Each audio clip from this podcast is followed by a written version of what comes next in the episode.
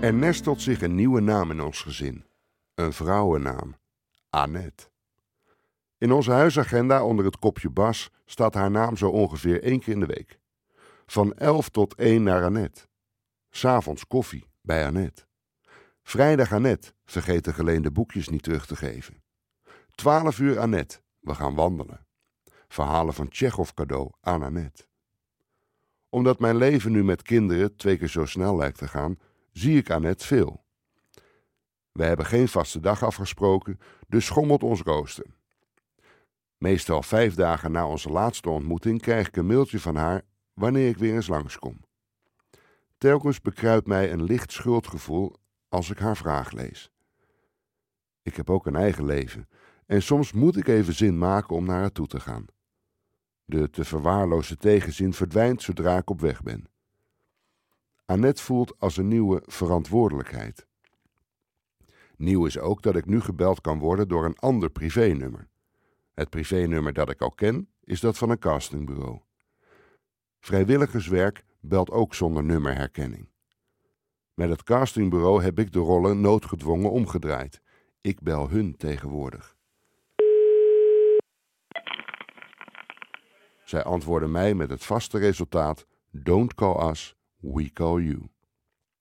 Enige hoop blijft een freelance acteur altijd houden dat dit van tijdelijke aard is, en dus neem ik als een veelgevraagde acteur mijn mobiel op. Mijn hoop op een ommekeer vervaagt als het wederom niet het stemgeluid is die mij een carrièreboost zou kunnen geven. Aan de andere kant van de lijn klinkt de aardige stem van Judith, die de coördinatie doet van het vrijwilligersbusje.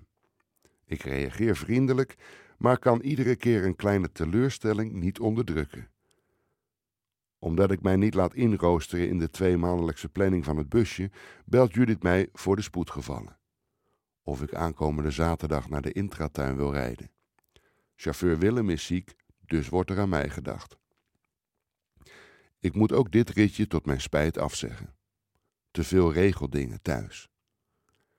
Het gaat er als chauffeur van de bus niet alleen om om de oudjes op te halen, eventueel mee te zingen en de bij elkaar 500-jarige groep weer veilig af te zetten. Nee, de bus moet na de rit ook naar de volgende chauffeur gebracht worden, uiteraard aan de andere kant van de stad, die jou dan weer thuis moet brengen omdat je zelf geen vervoer hebt. Dit tijdslurpend heen en weer gerij is er uiteraard ook bij het verkrijgen van de bus. Het is voor Judith een moeilijke logistieke betaalde puzzel en ik heb er een onbetaalde dagtaak aan. Hoewel ik denk dat ik het jammer zal vinden, speel ik met de gedachte om het busje definitief af te zeggen. Die gedachte lucht op, maar het knagende schuldgevoel blijft. Ik had mij niet voor twee verantwoordelijkheden moeten opgeven, maar gewoon voor één. Morgen heb ik met Annette afgesproken. Met mijn auto gaan we naar de begraafplaats waar zoveel familie van haar ligt. Ze heeft zeven bakjes bloemen gemaakt. Voor elk graf één.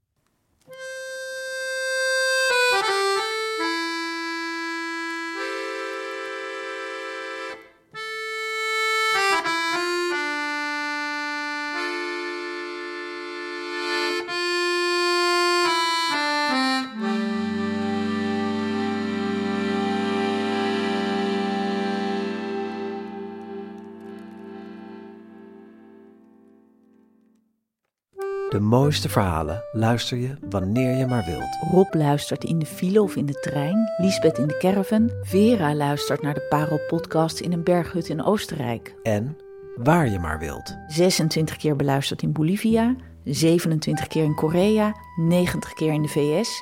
En in Taiwan, Tanzania, Parel Rusland, Radio, Iran, de podcast met de mooiste radioverhalen, documentaire en drama. En hij vindt de parel zo mooi dat hij vaak het jammer vindt dat zijn dienst erop zit. Parel Radio, gratis in je podcast-app of via nporadio1.nl.